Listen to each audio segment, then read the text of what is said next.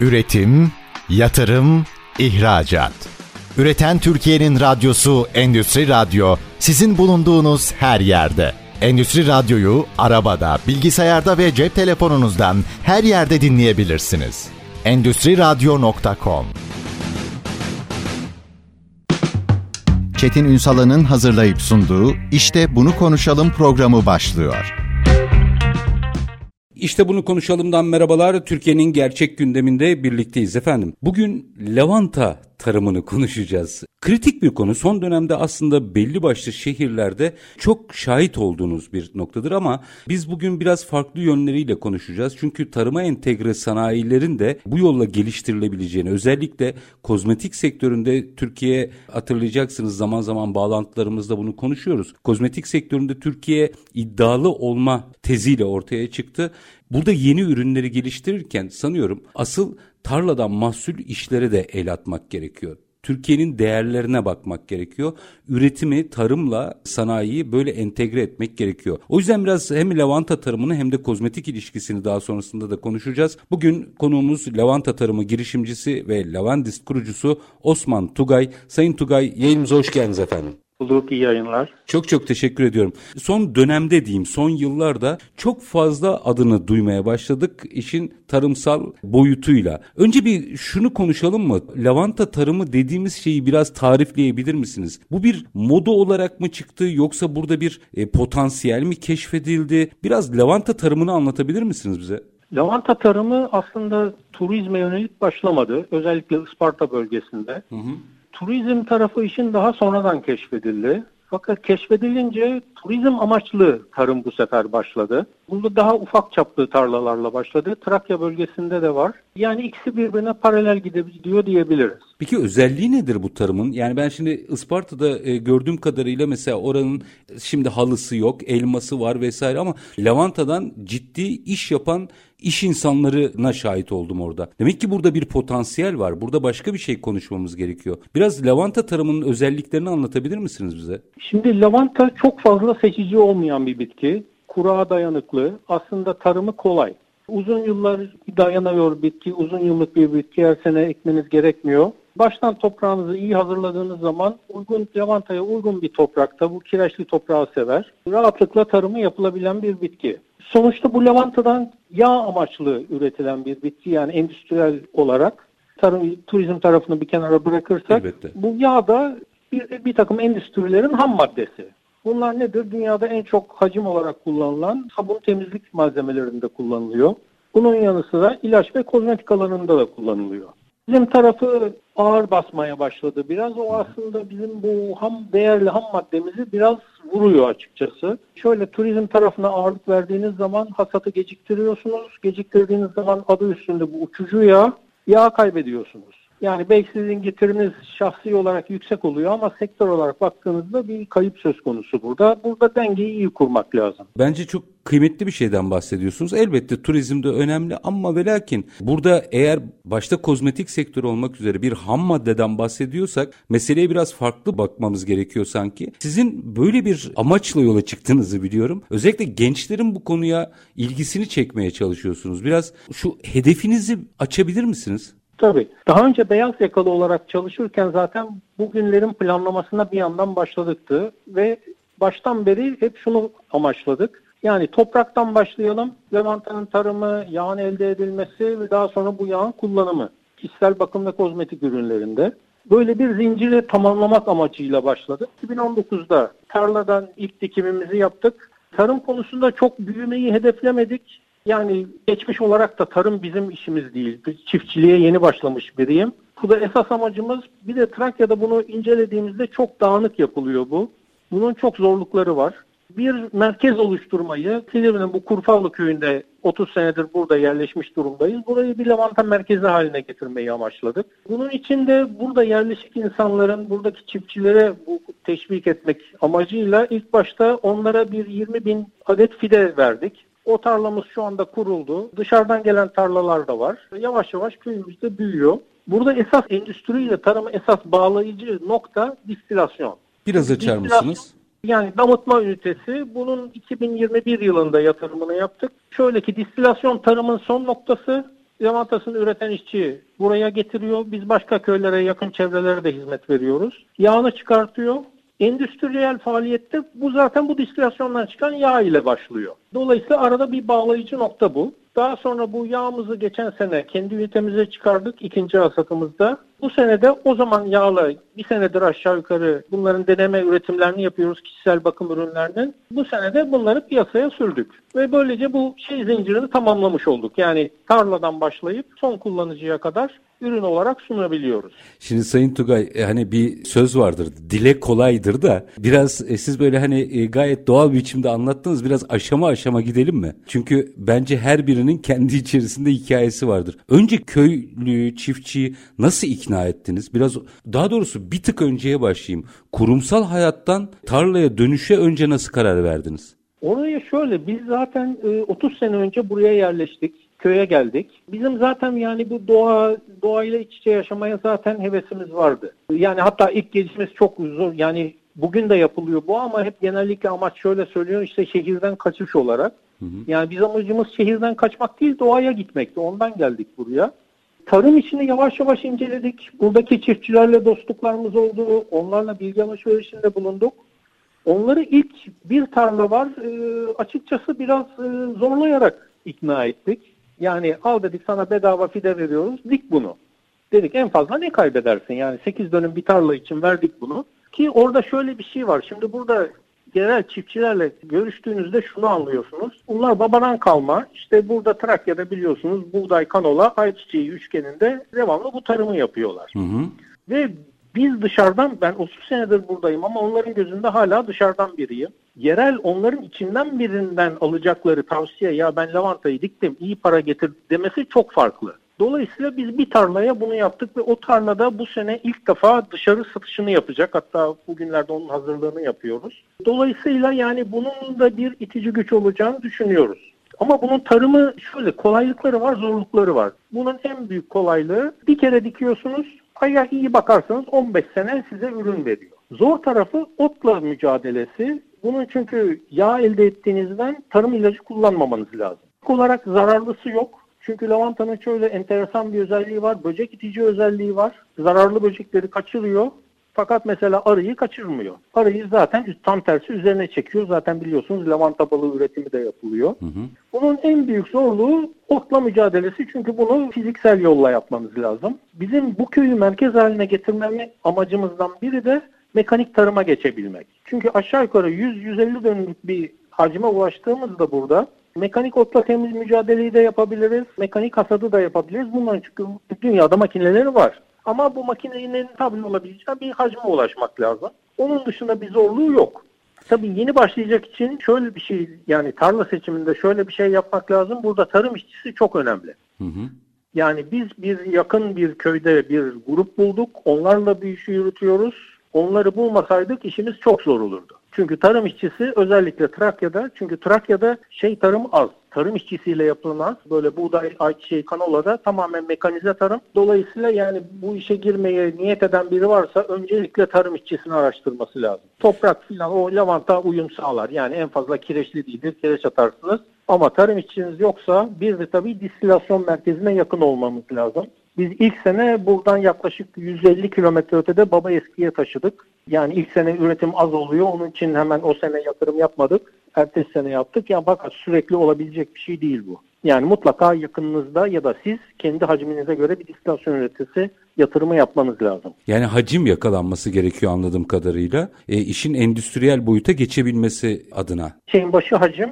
Ondan zaten bu Kurfallı köyünü İstanbul'un bir lavanta köyü haline getirmeyi amaçlıyoruz. Çünkü böyle bir hacim ulaştığınızda endüstriyi etkilemeden bir yandan sizin turizminiz de yürür. Endüstriyel boyutta şey yaparsınız. Bir de yağ pazarlamada şöyle bir şey var.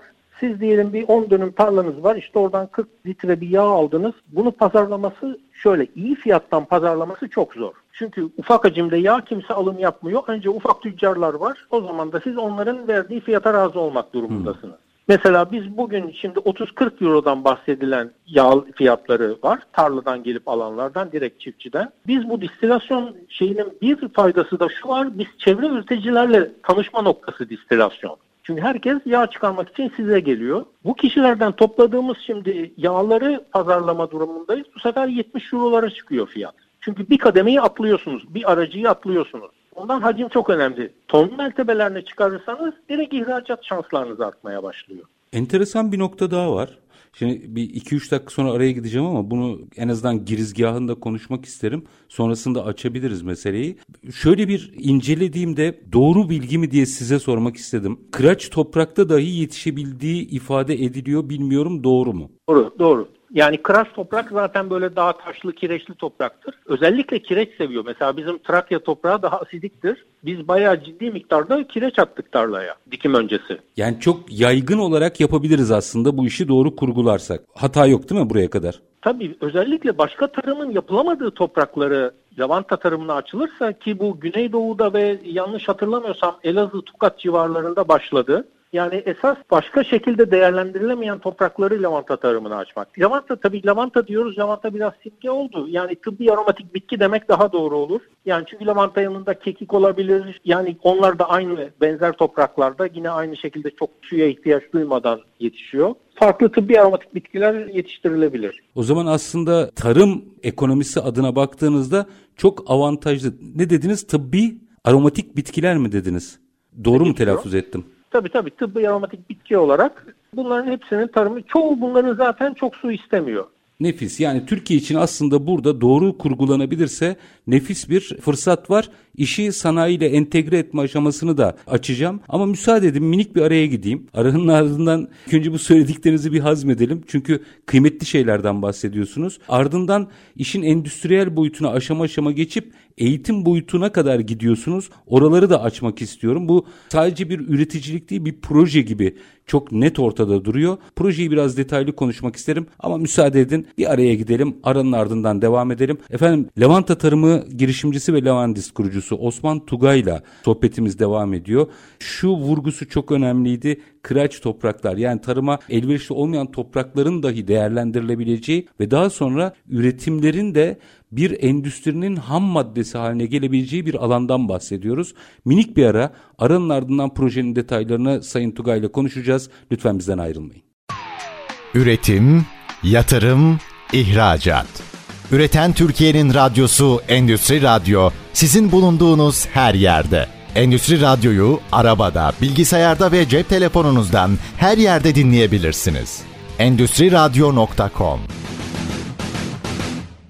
Kısa bir aranın ardından işte bunu konuşalım devam ediyor efendim. Lavanta tarımını ve sanayi entegre halini konuşuyoruz. Konuğumuz Lavanta tarımı girişimcisi ve Levendist kurucusu Osman Tugay. Şimdi Sayın Tugay araya gitmeden önce aslında kritik bilgiler verdiniz. Bir kere bunun toplu halde üretilmesi gerektiğinden bahsettiniz. Kıraç alanlarda dahi üretilebileceğinde sadece lavantanın değil bitkisel aromatlerin hepsinin ifade ettiniz. Yeni bir potansiyelden bahsediyorsunuz aslında. Peki buraya gençlerin ilgisini çekebilmek nasıl mümkün olacak? Çünkü bildiğim kadarıyla bu projeyi oluştururken gençleri de hedeflediniz. Dijital bir okula kadar, lavanta okuluna kadar giden bir proje. Gençleri buraya çekip dijitalleşmeyi kullanıp aslında uluslararası pazarlarda etkin etkin olmayı da hedefleyen altyapılar kurmayı hedefliyor. Tabii kurumsal hayattan gelince işin bütün iş metodolojisini ortaya koymuş Sayın Tugay ve aynı zamanda bunu hani böyle bir tek başına yaptığı bir şey değil de Türkiye bir model olsun diye projelendirmiş. Hemen Sayın Tugay'a tekrar dönüyorum. Sayın Tugay. Şimdi biz aslında burada daha yerel düşünüyorduk. O tamamen onun üzerine kurgulamıştık işi. Yani bu köy ya da civar köylerde burayı bir merkez haline getirelim. Fakat daha sonra işi daha iyi yapmak için bu işi daha iyi bilen tanıtımı olsun, stratejik planlamalar olsun Beze Grup'la çalışmaya başladık. Onlar geldiler sağ olsunlar bizi incelediler, dinlediler ve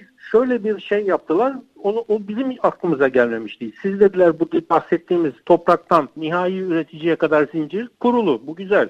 Ve bu yerel oluyor tabii bunun özellikle tarım tarafı. Fakat dediler sizin bir bilgi birikiminiz var Bunun tam yerel olmaması lazım. Bunu dağıtmanız lazım. Ve bu sebeple dijital lavandist okulu şu anda kuruyoruz. Dijital ortamlardan bu bilgi birikimini lavanta ile ilgili ne seviyede kim ilgilenirse ona yönelik buradan bir bilgilendirme yapacağız. Yani tarıma başlamak isteyen olabilir, bir kozmetik ürünü kendi yapmak isteyen olabilir ya da mevcut bir ürünü kullanırken fikir danışmak isteyen olabilir. Distilasyon konusu olabilir. Yani bütün bu bahsettiğimiz zincirin her aşamasıyla ilgili gerekirse o konunun uzmanlarıyla da bir görüşmeler yaparak böyle bir okul oluşturuyoruz. Yani siz aslında bir sektör yaratmaya çalışıyorsunuz anladığım kadarıyla doğru mu? Ya şimdi şöyle dediğim gibi başta da konuşmuştuk. Yani lavanta biraz amacını tamamen turizme yönlendiriyor gibi oldu. Hı hı. Yani turizm aslında bunun bir yan sanayi gibi. Yani bu iş yapılırken yanında yürüyecek bir şey. Turizmi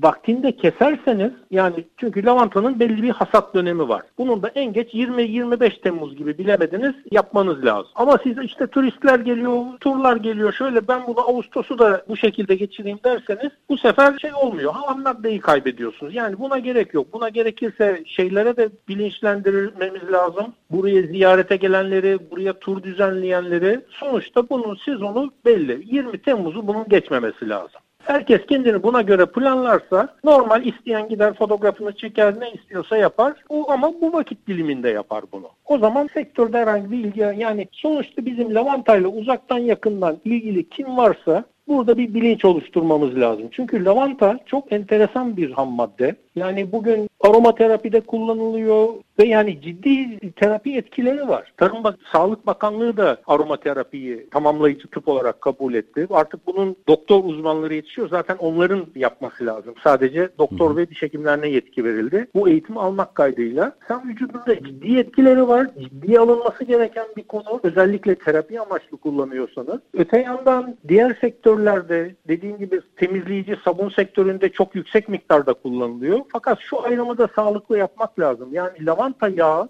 denince tek bir yağ akla gelmemesi lazım. Lavanta yağını şöyle yani bu konuyu çok bilgisi olmayanlara şöyle anlatabilirim. Hı hı. Lavanta yağının analiz sonucuna göre değeri belirlenen bir madde lavanta yağı. Özellikle de burada kritik bir madde var kafur. Bu maddenin fazla olması istenmiyor özellikle dahili ve harici insan üzerindeki kullanımlarda. Ee, Avrupa Farmakopesi Türkiye'de bunu kabul etti. En fazla kabul edilebilir miktar %1.2. Ana grup olarak iki tür lavanta var. Biri görsel olarak güzel, çok yüksek boylanıyor. Beli hatta beli geçen boylarda çiçeklenmiş e, halde olan. Bunların yağ verimi yüksek fakat kafir oranı yüksek, çok yüksek. %5-7 gibi. Dolayısıyla bunlar tamamen şeyde kullanılması lazım. Sabun temizleyici kısmında kullanılması lazım bu sanayilerde. Diğeri boy olarak daha küçük, görselliği daha az diğerleri kadar gösterişli değil. Fakat yağ verimi az fakat yağ kalitesi çok yüksek. Kafur oranı mesela bizim yağımızda binde bir seviyesinde. Yani Avrupa'nın izin verdiğinin neredeyse onda biri. Kafurun şöyle yani kafurun ne olduğunu anlatmak için şöyle bir örnek verebiliriz. Yani Lütfen. kafur altının içindeki bakır gibi. Hmm. Nasıl bakır arttıkça altının ayarı değeri düşer. Kafur da aynı böyle. Yani bu sektörde olan birine işte ben şöyle yağ çıkarıyorum dediğin zaman sizin yağınızın kalitesini anlamak için ilk soracağı şey kafir oranın kaç. Yoksa onun dışında lavankuta kokusu veren maddeler var. Linalol, linalil asetat gibi. Oynar ama sonuçta kokladığınızda o kokuyu alırsınız yine. Esas kaliteyi belirleyen kafurdur.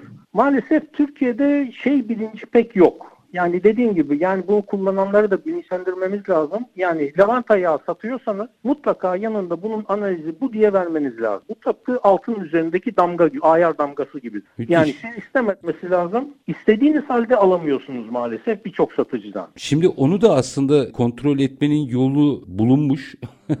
Mesela yaptığınız uygulamada da yeni nesil tarım uyguluyorsunuz. Tarım 4.0 olarak adlandırabileceğimiz. Şimdi aslında bilişimle tarımı bir araya getirdiğinizde bu oranların hepsi kontrol edilebilir hale gelmiyor mu? Bunu analizle belirleyebilirsiniz. Analiz haricinde bunu belirleme şansınız yok. Ama onun dışında yapılan bazı tahşişe giren uygulamalar var. Mesela lavanta yağına soğuk sıkım yağ katılıyor. Hı hı.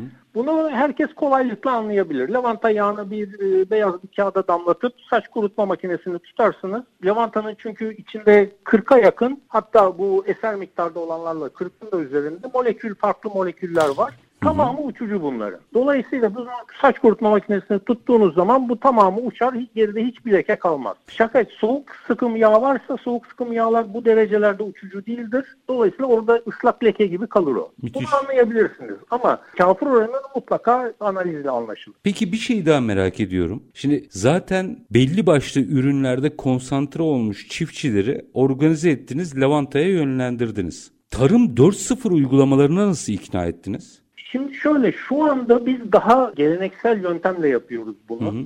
Yani 4.0 uygulamalarına geçiş için başta dediğim gibi biraz hacim gerekiyor. Hacim hem hacim gerekiyor hem çiftçilerin şu anda la, yaptığı lavanta tamamından iyi netice alması gerekiyor. Dediğim gibi şu anda köyde ilk köyde yerleşik çiftçilerden olan ilk tarla ilk yağ satışını hatta bu bu hafta önümüzdeki hafta yapacak yani çünkü belli bir miktar belli bir hacimde yağ topladık. Yani bir defa bizim bu lavantanın geçerli, kar edilebilir, buğdaydan, kanoladan daha çok kazandıran bir şey olduğunu öncelikle görmeleri lazım. Ki bunu görecekler yani bu çok kazandırıyor bu şey. Belli ama onların kendi gözleri yani kendi içlerinden birinden bunu duymaları lazım ki onu da bir 10-15 güne kadar duyacaklar. Yani ancak o aşama aşama gidiyoruz. Çünkü dediğim gibi bir defa bu köydeki çünkü büyük çiftçiler buna giremiyor. İlk yatırımı çok fazla. Çünkü yani şöyle söyleyeyim bir dönüme aşağı yukarı 2400 civarında fide dikiyorsunuz. En ucuz alabileceğiniz fide 1,5 lira. İşte bunun gübresi, dikimi, dikim işçiliği baktığınız zaman dönümde 5 bin lira gibi bir ilk yatırım maliyeti var. Şimdi buna bir 100 dönüm gireyim dediğiniz zaman 500 bin lira trik diye para yatırmanız lazım.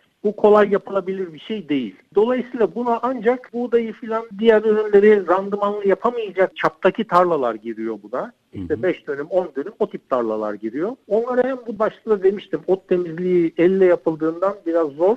O boydaki tarlalarda hem bu daha kolay altından kalkılabiliyor. Dolayısıyla yani şu andaki hedefimiz o tip diğer e, ürünlerde verim alınamayan tarlaları değerlendirmek. Bir noktayı daha açmanızı rica edeceğim. Şimdi bir kere bir toplulaştırma yapıyorsunuz aslında dolaylı yoldan ve bir kümelenme oluşturmuşsunuz. O açıdan proje çok kıymetli ve eğer bu istediğiniz noktaya gelirse Türkiye'nin farklı yerlerinde yapılabilecek bir iş olarak gözüküyor. Şimdi yağ olarak belki onları tatmin etmeyen bir rakam çıkabilir ama işin endüstri boyutu girdiği zaman işin rengi değişiyor. Şimdi bir endüstri mühendisi olarak siz meseleye baktığınızda tarım endüstri entegrasyonu adına ne yapmak gerekiyor? Mesela şunu çok merak ettim. Sağlık sektöründen, kozmetik sektöründen gelip ne yapıyorsunuz diyen oldu mu? Henüz şöyle olmadı henüz çünkü piyasaya çok yeni çıktık. Yani aşağı yukarı Eylül gibi ilk ürünlerimizi piyasa satışa sunduk. Ürünün hatta sonlarına doğruydu. Yani daha bir, bir buçuk aylık bir konu bu. Dolayısıyla o şekilde geri dönüşler henüz almadık. Yani yağımız var satışta, kişisel bakım ürünlerimiz var. Bunların tabii bir de şöyle yani kişisel bakım ürününe girmek biraz da cesaret isteyen iş. Yani hem cesaretiniz olacak hem geri dönüşlere maddi geri dönüş olana kadar bir işletme sermayeniniz olması lazım Tabii. elinde. Çünkü kurtlar sofrası yani siz de biliyorsunuz çok geniş bir ürün yelpazesi var. Fiyat aralığı çok geniş. Burada kendinize bir yer bulmak çok kolay hemen ha deyince olacak bir şey değil. Ama şöyle zaten biz herkese lavanta, herkese lavandist sloganıyla çıktık. Biz bu lavantanın kullanımını yaygınlaştırmak istiyoruz. Çünkü ürün olarak baktığınız zaman her her yani kullan her eve girebilecek bir ürün. Şimdi bir tarım ürünü olarak bakarsanız işte bir ekmek olarak buğday girer bu şekilde. Çok fazla yoktur. Yani bildik şeyler işte domates, patates onları saymazsak bu şekilde tarımı yapılan, bu daha küçük çapta tarımı yapılıp bu kadar evlerde yaygın kullanılan çok kolay başka ürün yok. Ve sevilen de bir ürün, ilgi giderek artan bir ürün tıbbi açıdan önemli fakat yandan tabii şeyi de var. Yani kişilerin beğenisini de kazanmış bir ürün. Dolayısıyla lavantanın farklı bir yeri var. Yani mesela kekikten farklı şimdi kimse gidip kekikli kolonya sürmez kendine. Hı hı. Ama yani lavanta çok farklı zevklere hitap edebilen çok çok farklı konularda yani en azından bir yumuşatıcı olarak girmiştir herkesin evine lavanta. Ben kullanmıyorum diyen bir kişi bile farkında olmadan kullanmıştır lavantayı. Şimdi bu öyküde Beni en çok etkileyen şu Sayın Tugay. Yani siz bir firma olarak bu yatırımı yaparsınız, çıkarsınız, sahada işte rekabetiniz yap. Hayır sizin dertlendiğiniz şey başka. Yanlış anlamadıysam. Siz burada bir pilot uygulama yapıp Türkiye'nin her yerinde gençleri de özendirerek benzer projelerle lavanta daha doğrusu sırf değil, e, lavanta değil, tıbbi aromatik bitkilerle ilgili bir potansiyel bir sektör yaratılabileceğinin yol haritasını çıkarmışsınız gibi geliyor. Proje sanki bu doğru mu? Doğru yani ilk biz bunu kendi köyümüz olarak başladık. Çünkü bizim köy 30 sene önce taşındığımızda yaklaşık 250 haneydi. Şu anda 150-160 hanelerde ki bunun içinde şey oranı çok arttı. Dışarıdan gelen insanlar. Yani köyümüz İstanbul'un bir köyü, Silivri'nin bir köyü ve göç veriyor. Köyde ilkokulumuz vardı. Önce sınıf sayısı düştü düştü. Sonra okul kapandı. Senelerce bir tek seçimden seçime kullandık. En son binası da yıkıldı. Hiçbir şey kalmadı. Yani tabiri caizse ölmekte olan bir köy ve huzur evine döndü. Yani köyde baktığınız zaman hep 30-40 yaşı üstü insanlar var. Yani buraya tekrar gençleri çekelim. Ufak verimsiz tarlaları tekrar tarıma kazandıralım üstelik normal buğdaydan daha karlı bir ürünle kazandıralım diye düşündük. Dediğim gibi bu beze grubunun çalışmasıyla iş biraz lokalden daha Türkiye çapına doğru gidiyor. Ee, Ama bunu bir, dediğiniz gibi bir sonuçta bu burası bir model. Model. Bizim kendi tarlamız da var. Bunu zaten model amaçlı yaptık. Yani biz tarımda çok büyümeyi düşünmüyoruz. Tarımı tarımı bilen insanlar yapsın. Biz ama sadece bu zinciri organize edelim. Müthiş. Bunu birazcık bu, daha detaylandıracağım. Önemli. Bunu birazcık daha detaylandıracağım. Hatta belki de ihracat boyutunu da konuşmak istiyorum ama minik bir araya gideceğim tekrar. Aranın ardından işin bu boyutunu da kullanalım, konuşalım. Çünkü siz mesela İstanbul markasını da burada ön plana çıkarıyorsunuz. Ticari bir kaygıyla yapmadığınız çok belli ama tabii operasyon ticari bir şekilde hayat bulması gerekiyor ki Türkiye'nin muhtelif yerlerinde kurabilelim. En önemlisi çiftçiyi organize etmişsiniz. Minik bir araya gideceğim. Aranın ardından bu detayları da açmak istiyorum. Levanta Tarımı girişimcisi ve Levandis kurucusu Osman Tugay ile sohbetimiz devam edecek. Bir işletmeyi değil, bir modeli konuşuyoruz. Kısa bir ara buradayız. Lütfen bizden ayrılmayın. Üretim, yatırım, ihracat. Üreten Türkiye'nin radyosu Endüstri Radyo sizin bulunduğunuz her yerde. Endüstri Radyo'yu arabada, bilgisayarda ve cep telefonunuzdan her yerde dinleyebilirsiniz. Endüstri Radyo.com Kısa bir aranın ardından işte bunu konuşalım demeye devam ediyoruz efendim. Lavanta Tarımı girişimcisi ve Lavandist kurucusu Osman Tugay bizlerle birlikte. Sayın Tugay şimdi araya gitmeden önce de ifade ettim. Aslında bu bir model ve eğer burada bu başarılırsa sizin söylediğiniz bir ifade var. İlk parayı kazananlar diğerlerini anlatacak. Bu çok kıymetli ama çok hayati bir cümleydi. Daha sonrasında aslında Türkiye'nin muhtelif yerlerinde sadece Lavanta'da değil başka alanlarda da bu yapılabilir diyorsunuz. Bu uygulama. Şimdi bir yere kadar geldik. Ürettik, toplulaştırdık, toplam üretimi yaptık. Yine bir ifadeniz vardı. Ben tarımcı değilim, tarım kökenli değilim. İşi bilene bırakacağım. Bırakacağız tabii ki. Biz daha sonraki aşamada devreye gireceğiz. Vurgusu da bence çok kıymetliydi. Bir model oluşuyor aslında. Şimdi o işi bıraktıktan sonra o yağlar geldi. Sonraki aşamada işin kozmetik boyutu var, sağlık boyutu var, yurt içi ve yurt dışı boyutu var. Kozmetik sektörü dünyada kritik sektörlerden biri özellikle. Şimdi bu aşamada işi nasıl şekillendirmek gerekiyor? O yol haritanızı biraz paylaşabilir misiniz ki diğer modellere de örnek olsun. Yarın öbür gün çıkacak modellere. Tabii şimdi bu yağ elde ettik. Bir de bizim ya burayı merkezileştiğimiz zaman şöyle bir rahatlığımız oluyor. Mesela biz kendi verdiğimiz fideden dolayısıyla ve yağı da biz çıkardığımız için herhangi bir tahşiş ile karşılaşma şeyimiz yok, riskimiz yok. Çünkü o da çok ciddi bir risk. Yani çok değişik yerlerden yağ alırsanız ki biliyorsunuz yakın zamanda bir baharat firmasının başına geldi. Evet. Böyle riskler çok var. Fakat biz fideyi zaten kendimiz veriyoruz ya da kendi çoğalttığımız fideden veriyoruz.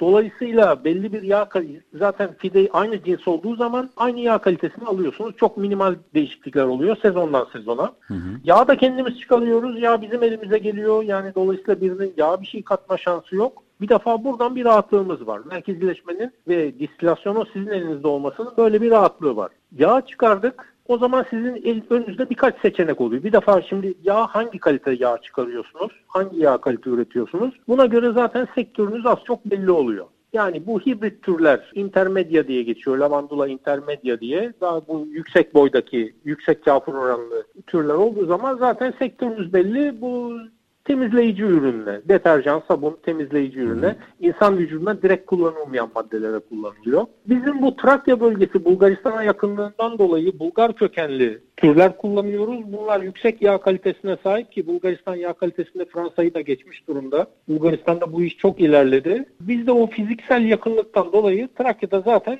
bu türler yetiştiriliyor. Hı. O zaman sektörünüzde zaten ya ilaç sektörüne toplu satış yapacaksınız ya kozmetik sektörüne toplu satış yapacaksınız ya da siz üreteceksiniz. Bu artık size ve bir yerde de hacminize kalmış. Fakat bu kozmetik ürünlerde yağın kullanıldığı maksimum oran %5. Dolayısıyla siz ürettiğiniz yağın tamamını kozmetik sektörüne çevirmeniz kısa vadede olabilecek bir şey değil. Kozmetik ürün satışı olarak bu hacme ulaşmanız zor. Dolayısıyla mutlaka toplu satış yapmanız lazım. Toplu satışı daha önce de söylemiştim. Rakamınız ne kadar çoksa o kadar daha ileri nihai kullanıcıya ulaşma şansınız oluyor. Ton mertebelerine geldiğinizde en azından 400-500 kilolara geldiğinizde ihracat şansınız oluyor ve her kademede sizin fiyatınız artıyor. Dediğim gibi daha önce de demiştim yani tarlada bir çiftçinin 5 kilo 10 kilo yağ 30-40 euroya satabiliyorken Avrupa'da bunu nihai üreticilere yaklaştıkça bu 200-250 eurolara çıkıyor bu fiyat. Dolayısıyla nihai amaç bunu hedeflemeniz lazım. Çünkü tamamını bunu kozmetik ürüne çevirmeniz zor. Dediğim gibi yani bir ton yağ siz kozmetik ürün yapayım derseniz %5'ten 20 ton ürün elde edersiniz. 100 mililitrelik bir şeyle yaparsanız 200 bin parça kozmetik ürün elinizde olur. Hı hı. Bunun satışı da bir çok kolay bir şey değil. Yani dolayısıyla mutlaka bir toptan satış kanalınız olması lazım. Sanıyorum o entegrasyon da önemli. Bu arada bir şimdi yanlış anlaşılmasın marka konuşmak istemiyorum ama o sonundaki ist vurgusunu da özellikle yaptığınızı okudum ben bir yerde. İstanbul'un lavantası diye bir marka çıkarmak istiyorsunuz anladığım kadarıyla. Şimdi buradan şunu açmaya çalışıyorum. Daha sonrasında bu işin marka yolculuğu nasıl hedefleniyor ki diğerlerine de örnek olsun?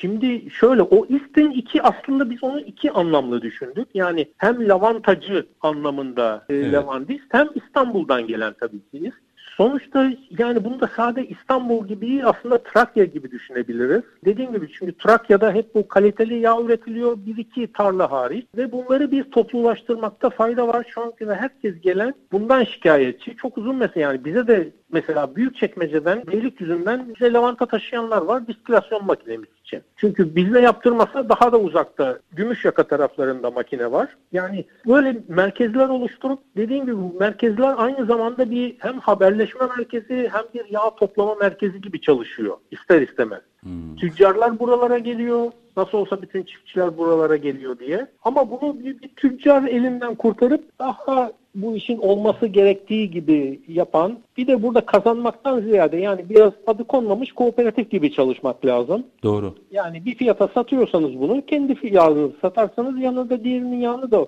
o fiyattan satarsanız yoksa işte ben oradan 5-10 euro kazanayım ve giderseniz yani sonuçta diğer üreticilere ne kadar kazandırırsanız uzun vadede siz de o kadar kazanırsınız. Sonuçta bir de şöyle bir şey var. Bu sektörün pazarlama sıkıntısı yok. Hem Türkiye'de hem ihracat pazarında zaten bir talep var. Yani bu çok rahatlıkla karşılanabilir. Özellikle bu kaliteli yağ tarafında oldukça çok açık var ve burada bir şey sıkıntısı yok. Yani dediğim gibi hazır pazarı bulacaksın yani o kanallara ulaşmanız lazım. Ulaşmak için hazır hacim yaratmanız lazım. Yani aslında anladığım kadarıyla bir pazar sıkıntısı yok ve sadece hacim yaratarak dünyadan da üreticileri buraya çekmek mümkün olabilecek galiba. Tabii tabii. Yani dediğim gibi Bulgaristan bizim hemen komşumuz Bulgaristan bu konuda oldukça büyük bir üretici. Biz aynı coğrafyadayız, aynı bitkileri kullanıyoruz, aynı yani Bulgar kökenli tamamen şeyleri kullanıyoruz, türleri kullanıyoruz. Dolayısıyla aynı yağ kalitesine sahibiz çok rahatlıkla onlarla yan yana bu işi yürütebiliriz. Dediğim gibi Bulgaristan hem hacim olarak hem kalite olarak Fransa'yı geçti. Yani üstüne düşürürse Bulgaristan bir defa bizim önümüzde çok büyük bir örnek. Hmm. İstenirse bu yapılabiliyor. Yani hep Fransa'yı biz bildik. Orada koca koca tarlalar gördük. Böyle devasa tarlalar biçer döver. Yani biz burada elle hasat yapıyoruz. Tek kafa hasat makinesi almak için 100-150 döneme ulaşmamız lazım diye o günlerin özlemindeyiz. Fransa'da bunu biçer döverle haset ediyorlar. Yani aynı anda dört sıra birden haset ediyorlar. Devasa böyle ufka kadar giden tarlalar var. Ama işte sonuçta Fransa'yı... Tek, en... Teknoloji boyutu bu söylediğinizden yarım kalmasın diye araya girmek istiyorum. Açmanız önemli. Endüstri ve tarla entegrasyonunu yapabilmek için mutlaka şart hacim midir? Şöyle hacim şart demeyelim ama tabii çok büyük bir etken. Bir defa maliyetinizi düşürüyor hacim. Hı hı. Makineli tarıma geçebiliyorsunuz İstediğiniz zaman hasadı yapabiliyorsunuz. Çünkü siz biz şu anda tamamen bu tarım işçisi gruplara bağlıyız. O diyor buluyuz diyor haftaya gelebiliriz diyor. Bekliyoruz haftaya gel. Ya da geleceği gün yağmur yağıyor gelemiyorlar. Makineli tarım yaptığınız zaman distilasyon ve hasat koordinasyonunu sağlamanız çok kolay oluyor.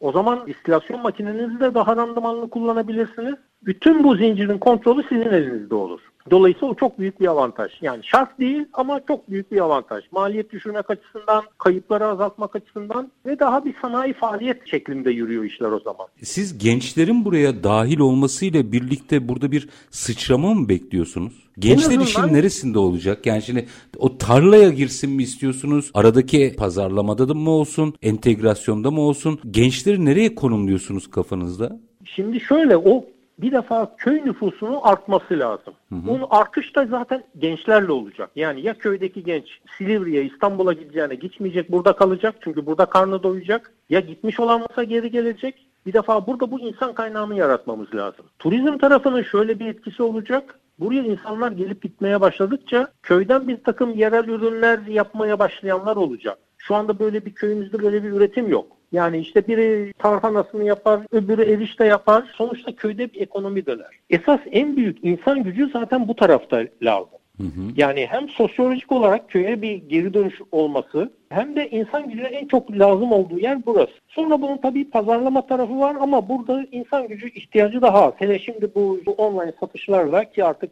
dünya oraya gidiyor. Dolayısıyla orada yani insan gücü ihtiyacı oldukça azalıyor. Fakat bu dediğin gibi yani bu köye dönüşü sağlamamız lazım. Sayın Tugay süren bitti ama bir dakikada bize bir kısa vadeli de olsa bir yol haritası açıklayabilir misiniz? Yani siz bu yolculuğu yaparken Türkiye'de biz neyi tartışırsak bu konuda farkındalık yaratabiliriz? Şimdi özellikle bu bu dönem için bir susuz tarım önemli çevre açısından yani çünkü su ihtiyacı olmuyor. Bir ilk dikimde özellikle Trakya bölgesinde sulama yapıyoruz. Sonra bir daha sulamıyoruz bunları. Su ihtiyacı yok. İnsan gücü ihtiyacımız var. Ekonomiyi canlandırabilecek bir ürün. Çünkü buğdayı yapıyorsunuz. Buğdayı veriyorsunuz un fabrikasına gidiyor. Köyden çıkıyor gidiyor. Bu köyde ürüne çevrilebilecek. Yani çiçeği olsun, kesesi olsun, sadece yağ olarak değil, diğer ürünlerle de, el işi ürünlerle de değerlendirebilecek ve köyde bir ekonomiyi döndürebilecek bir ürün lavanta. Lavantanın her şeyi bir ürüne dönebiliyor. Çiçeği, dalı, yağı, her şeyi bunun. Dolayısıyla böyle bir şeyle köyü canlandırabilir. Ve bu